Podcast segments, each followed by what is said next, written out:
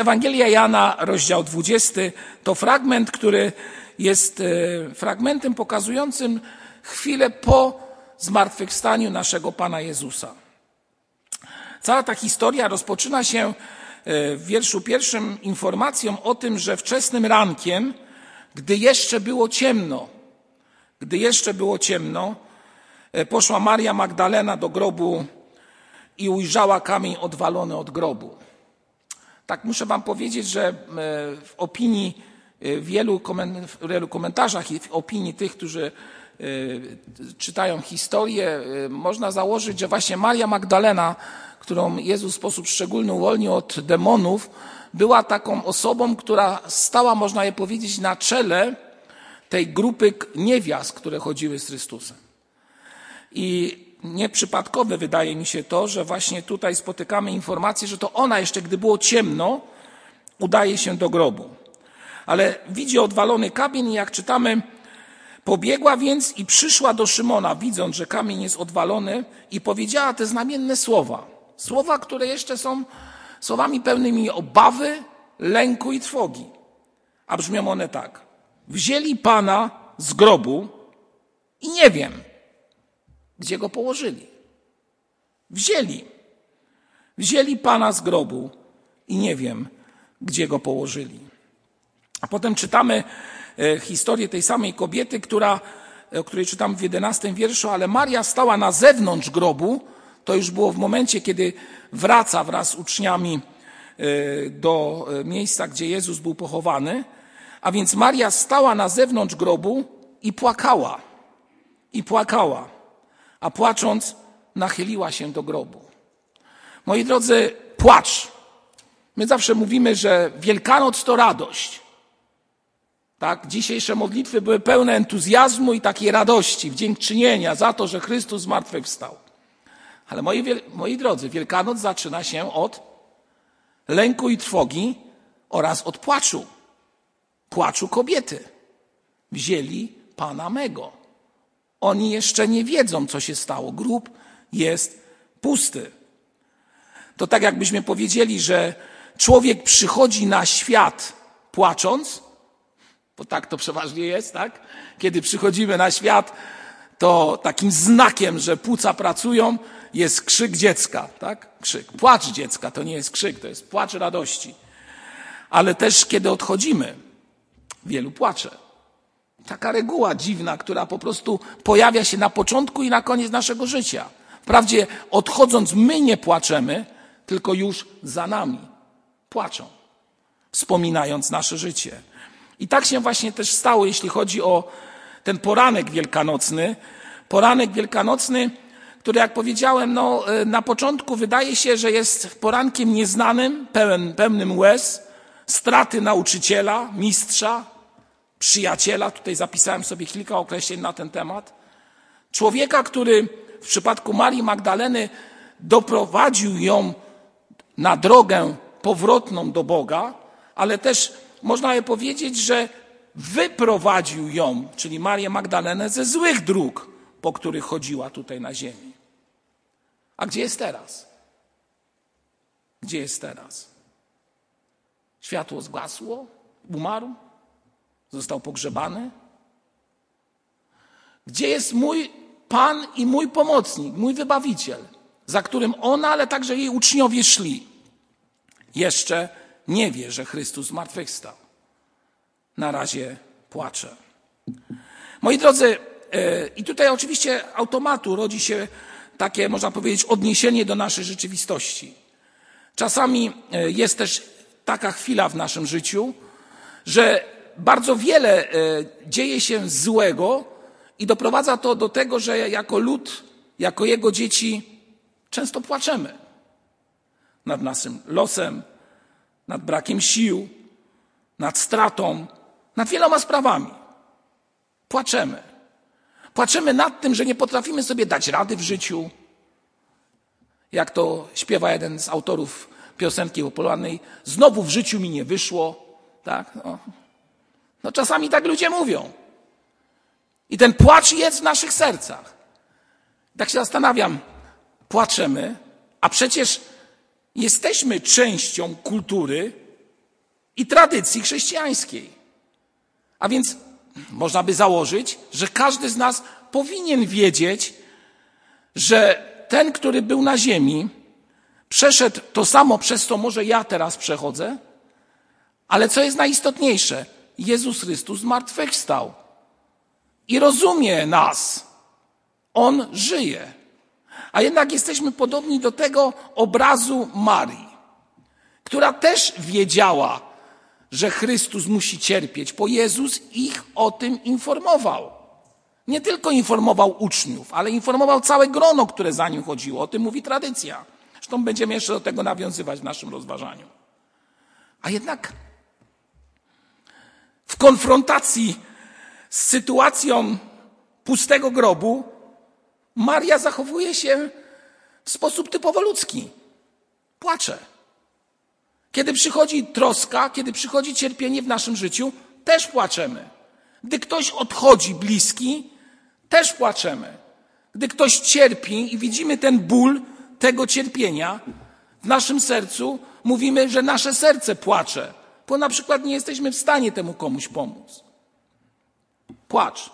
Wielkanoc rozpoczyna się od płaczu, moi drodzy, a nie od chóru anielskiego, jak często mówimy.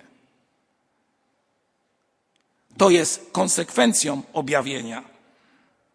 Moi drodzy, można by powiedzieć, że w Wielkanocy pojawia się swego rodzaju ciemność. Ciemność. Ale myślę, że jest to ciemność przede wszystkim naszych oczu, Marii oczu w przypadku tamtego wydarzenia, i ciemność w sercu człowieka, który nie widzi albo nie rozpoznaje, albo nie przypomina sobie tego, że w Chrystusie jest prawdziwe rozwiązanie każdego problemu i każdej sytuacji.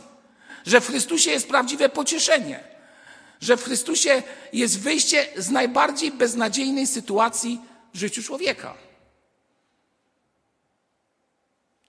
Ostatnio słyszałem świadectwo pewnej osoby, która mówiła, że w swojej pracy no, dzieją się złe rzeczy. Prawdopodobnie będzie musiała ją stracić. A wszystko to jest związane z tym, że do tej pracy przyszła osoba, która kiedyś bardzo źle życzyła tej osobie. No i rodzi się lęk, rodzi się obawa. No znowu mnie ktoś w ten sposób potraktuje, znowu nie będę miała siły, miał siły pracować. Lęk i obawa jest tym, co jest naturalne dla ciebie i dla mnie. Bo ja i ty jesteśmy ludźmi, jesteśmy stworzeniem, które ma obawy. Nie jesteśmy ludźmi, którzy są pozbawieni tego odczucia. Ale tym się różnimy od innych, że w naszym sercu jest Chrystus, który zmartwychwstał, który daje nam siłę i który daje nam pewność, że jesteśmy w stanie przezwyciężyć wszystkie sytuacje, nawet najtrudniejsze w życiu. Że nawet najbardziej beznadziejna sytuacja przez Jezusa Chrystusa może być ubrócona w zupełnie dobrą na dobrą drogę. To tak jak beznadziejna sytuacja Marii Magdaleny została wyprowadzona, a ona potem uzyskała informację o tym, że Chrystus faktycznie żyje. Tutaj cytat, pozwólcie, że przedstawię. Mam pewien francuski dyplomata, nie będę tutaj mówił jego nazwiska, bo to nieistotne, wypowiedział takie słowa. Religia, w cudzysłowie chrześcijaństwo, uwaga, jest to szukanie w ciemnym pokoju czarnego kota, którego tam nie ma. Czytałem te słowa, uświadomiłem sobie, że człowiekowi temu chodzi o, o zdyskredytowanie chrześcijaństwa i określenie nas wszystkich, że, to, że my to jesteśmy ciemni ludzie, tak? Którzy w ciemnym pokoju szukają czego? No tutaj pewni ludzie często nazywali protestantów określeniem wiadomym. A więc jeszcze raz powtórzę, ten dyplomata powiedział, religia jest to szukanie w ciemnym pokoju czarnego kota, którego tam nie ma. Moi drodzy, czego my szukamy w naszym życiu i co jest w naszym sercu, w tym przysłowiowym pokoju, o którym mówimy? Czy jest tam ciemność, w której nic nie widać, czyli nie widać nadziei, a jeżeli nawet pojawia się słowo Bóg, to jest ono tak czarne, że nawet go nie jesteśmy w stanie zobaczyć prawdziwie i dlatego ciągle jest zwątpienie, obawa i lęk? Ciemność to diabelskie, diabelski wymysł, tak bym powiedział, który niszczy serce człowieka. Moi drodzy, y, czytałem u jednego z autorów y, opracowań, to protestancki pastor Wantua y, takie stwierdzenia, a mianowicie ciemność oczu i serca, najgęstsza ciemność nastaje, pisze autor, gdy człowiek Zbawicielowi wykopie grób w sercu i odprawi pogrzeb.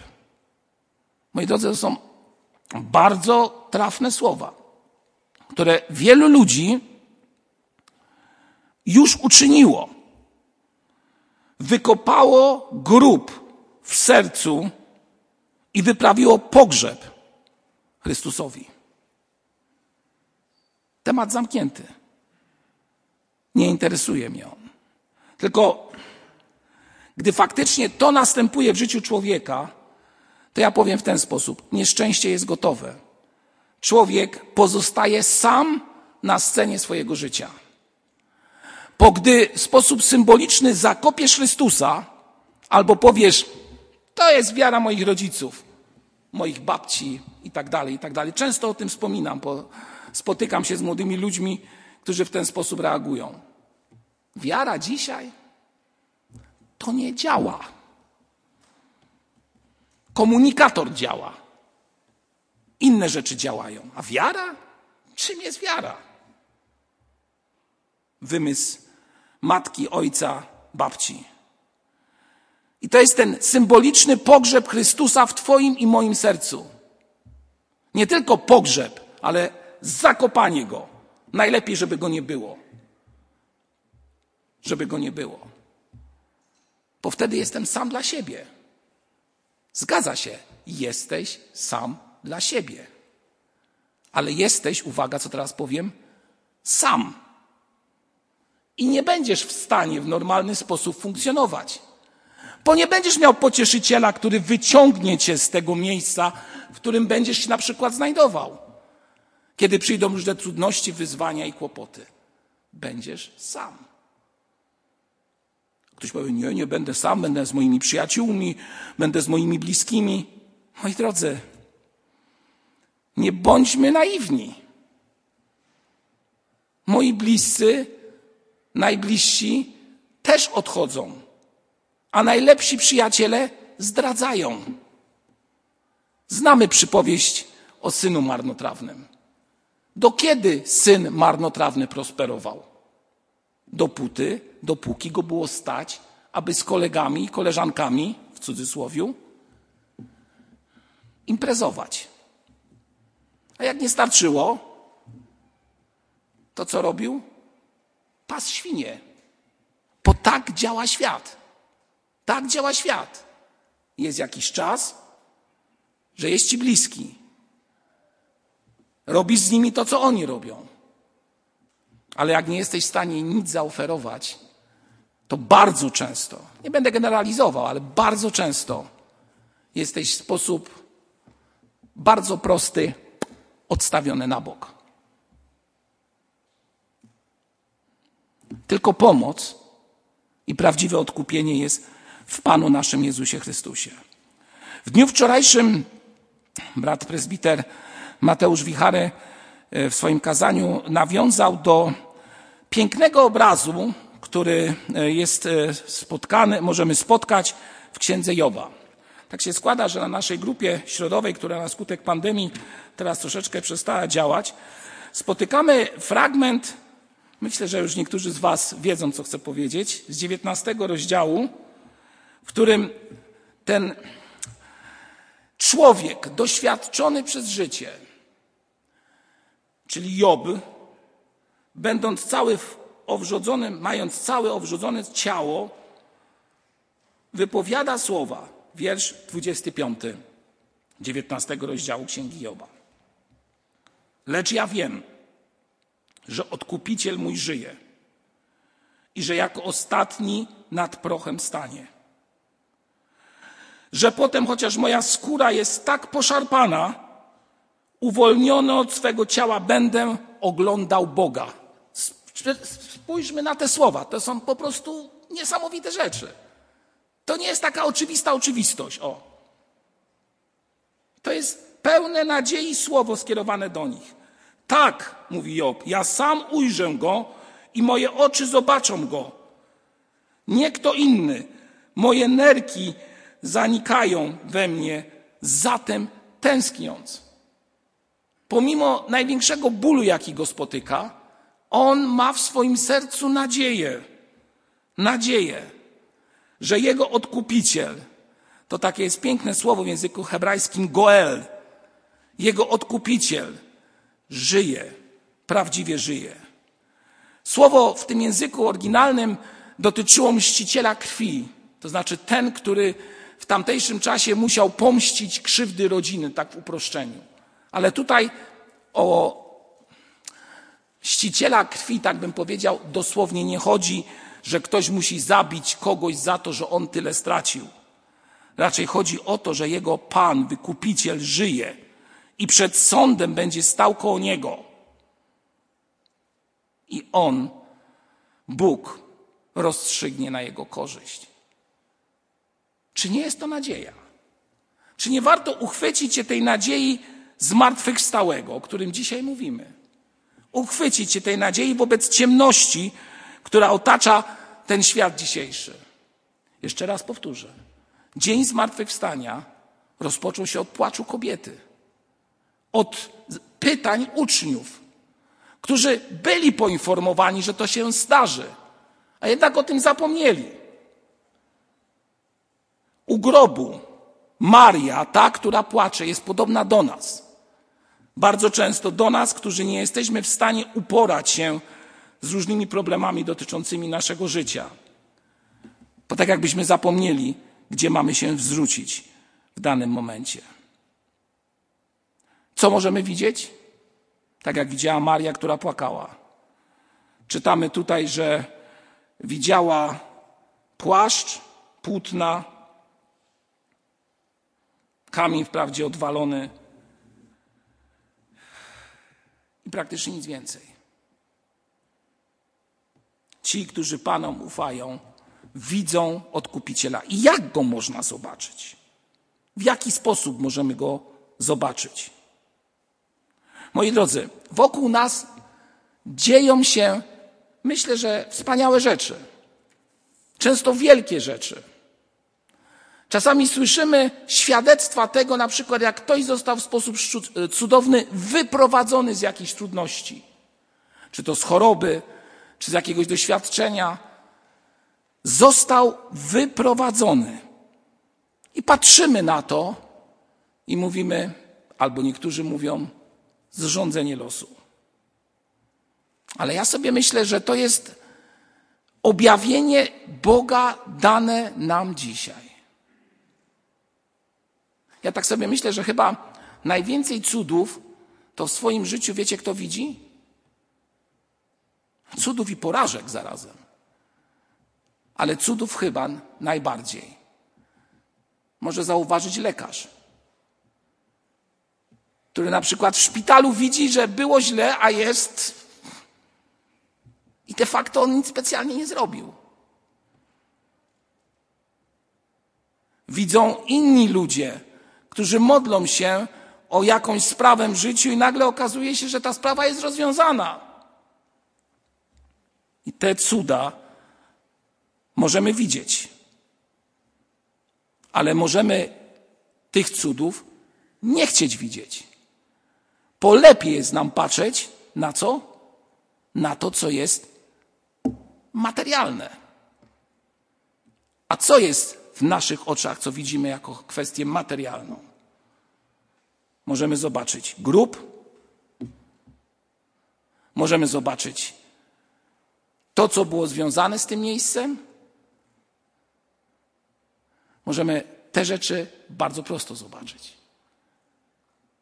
I żyć w takim stanie permanentnej depresji, że wszystko jest beznadziejne, wszystko przemija, a ten Bóg to może jest, a może go nie ma.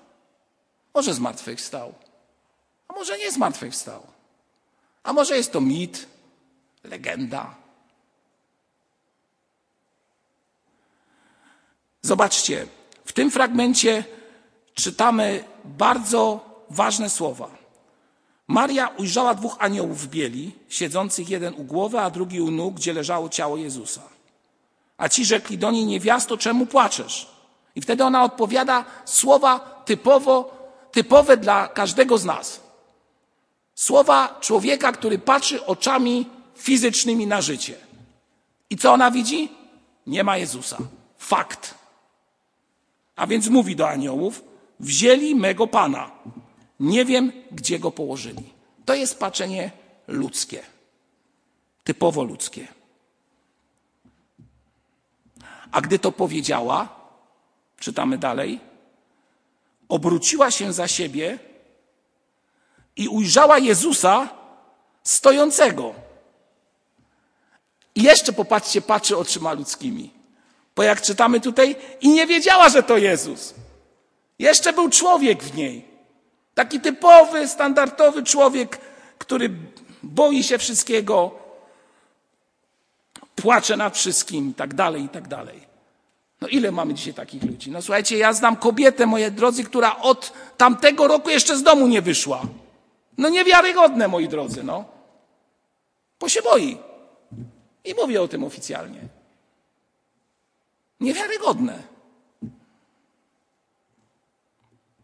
Jej oczy jednak zaczynają widzieć coś zupełnie, zupełnie innego. Kiedy Jezus, czytamy o tym w 15 wierszu, rzekł: Niewiasto, czemu płaczesz? Kogo szukasz? A ona mniemając, że to jest ogrodnik, rzekła: Panie, jeśli to ty go wziąłeś, powiedz mi. Dalej patrzy ludzkimi oczyma: Gdzie go położyłeś? A ja go wezmę. I wtedy następuje to coś, co nazywamy nawróceniem. Rzekł jej Jezus: Mario. Ona obróciła się i rzekła po hebrajsku: Rabuni. Co znaczy? Nauczycielu.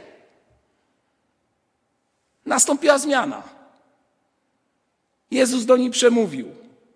I dzisiaj Jezus też do nas mówi. Przez moc Jego zmartwychwstania.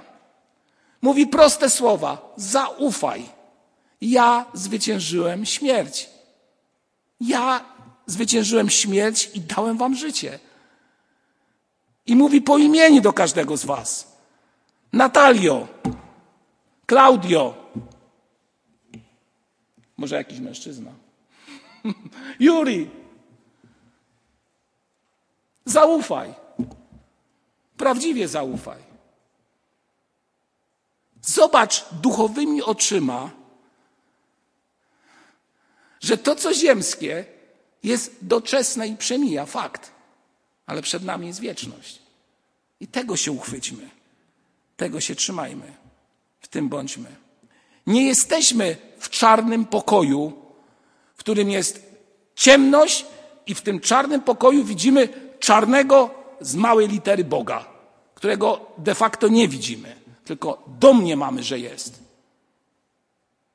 Widzimy Boga, który zmartwychwstał, który jaśnieje. Ta konfrontacja, ciemność, jasność to, odwieczna, to odwieczny motyw także w kulturze świeckiej się przewija. A więc idźmy dalej. Tu jeszcze Jezus mówi: Nie dotykaj mnie, bo jeszcze nie wstąpiłem do Ojca. To kolejny temat dokazania, który akurat dziś nie będę mówił. O tym nie będę mówił, ale mówi do niej Jezus: aby poszła Maria oznajmić uczniom, że widziała Pana. Co też czyni? Idzie do braci i głosi im Ewangelię, że Chrystus zmartwychwstał.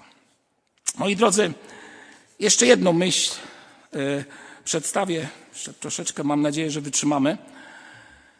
E, dzisiaj taki dzień, że się chcę mówić o tych sprawach w sposób szczególny. A więc, moi drodzy,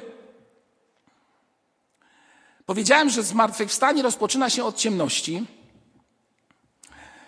i że w historii zmartwychwstania główną rolę odgrywają, uwaga, kobiety. główną rolę w przekazie Ewangelii. I to jest niesamowite, że właśnie w dzień zmartwychwstania to Bóg do kobiet albo kobietom wyznacza bardzo konkretne zadania informowania facetów, którzy się poukrywali w różnych miejscach o tym, że Chrystus zmartwychwstał. To kobietom wyznacza zadania, aby tym, którzy mają niewiarę w sercu, oznajmić, że Chrystus żyje. Moi drodzy, to nie było takie oczywiste w tamtych czasach. Więcej powiem, to nie jest takie oczywiste w dzisiejszych czasach, gdzie pomimo wszystko są jakieś takie dziwne, stereotypowe sposoby myślenia na rolę kobiety i na rolę mężczyzny. Józef Flawiusz, autor, który y, pisał, też napisał o zmartwychwstaniu, chociaż niektórzy mówią, że to był przypisek dodany przez tłumaczy, ale zostawmy to. Mówił w ten sposób: Kobieta, jak głosi prawo, jest pod każdym względem niższa od mężczyzny. To jest cytat z Flawiusza. Ze względu na swoją lekkomyślność i płeć. No Boże, ktoś dzisiaj coś takiego powiedział, no to powiedział szowinista, nie? No, no już nie, nie będę określał jeszcze dosadniej tego, ale wiecie, co chciałbym powiedzieć. No tak mówił pisarz starożytnego świata o kobietach. I muszę wam powiedzieć, to teraz może ktoś mnie, że tak się wyrażę, nie pochwali, ale gdy czytamy pierwszy list Pawła do Koryntian, 15 rozdział, i tam widzimy tą historię, w której apostoł Paweł mówi o zmartwychwstaniu Chrystusa, którą przeczytałem. Jak on zaczyna ten fragment w pierwszym wierszu? A przypominam wam bracia. Tu nie ma sióstr. Więcej, moi drodzy, jak czytam ten fragment, to widzę kolejną sprawę, a mianowicie najpierw podałem wam to, co ja przejąłem, że Chrystus umarł za grzechy nasze według pism i tak dalej, i tak dalej. Jest powiedziane, że ukazał się dwunastu, potem ukazał się więcej, uwaga, niż pięciuset komu? Braciom. Paweł nic nie pisze o kobietach. Niesamowite. Ja to niedawno odkryłem, słuchajcie, to jest niesamowite. A przecież to kobiety zaniosły prawdę Ewangelii. Ale list do Koryntian był pisany mniej więcej w 50 latach, a Ewangelię to 70 lata. I wtedy już rola kobiety w kościele była znacznie inna. I wtedy już apostołowie ośmielili się powiedzieć, że to kobiety szły przy Jezusie Chrystusie. To kobiety, kiedy Jezus umierał na krzyżu, były tam w tym miejscu. Faceci pouciekali, a kobiety były. To kobiety patrzyły, gdzie złożono ciało Jezusa Chrystusa, wiedziały, który to jest grób. To one pierwsze poszły do tego grobu. I to im Jezus Chrystus się objawił. Niesamowite. Moi drodzy, tak było. Czy chcemy tego, czy nie, drodzy mężczyźni? I to jest piękne, bo Pan Bóg działa jak On chce, a nie jak często my byśmy chcieli. W sposób szczególny zostało to wyeksponowane i to one właśnie jako pierwsze zaniosły prawdę Ewangelii, że Chrystus zmartwychwstał. To one, albo właściwie ona jako pierwsza rozpoznała, że to jest nauczyciel, który żyje.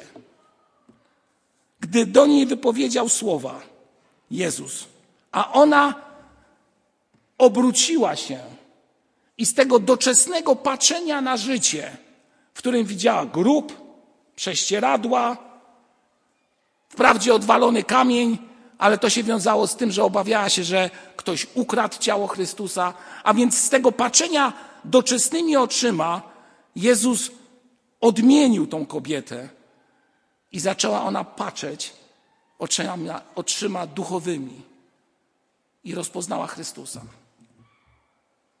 Dziś proszę Was, abyśmy modlili się o to, aby Pan Bóg otworzył nam oczy. Tobie nie.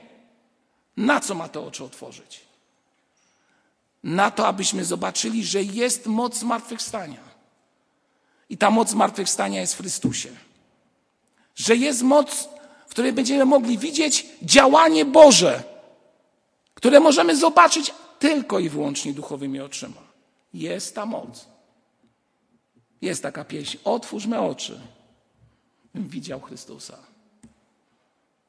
Czy możemy się tak dziś modlić? Oczywiście nie mogę wam powiedzieć, nie módlcie się dziękując za to, że Chrystus zmartwychwstał. Dziękujmy za to, że Chrystus zmartwychwstał. Ale to może być jeden ze sloganów, które od wieków znamy. To, że Chrystus zmartwychwstał, równa się temu, że zmartwychwstałe otwiera oczy. I nagle widzimy inną perspektywę. I nagle dostrzegamy coś, czego nie widzieliśmy. I nagle płacz zamienia się w radość. I nagle widzimy, co widzimy?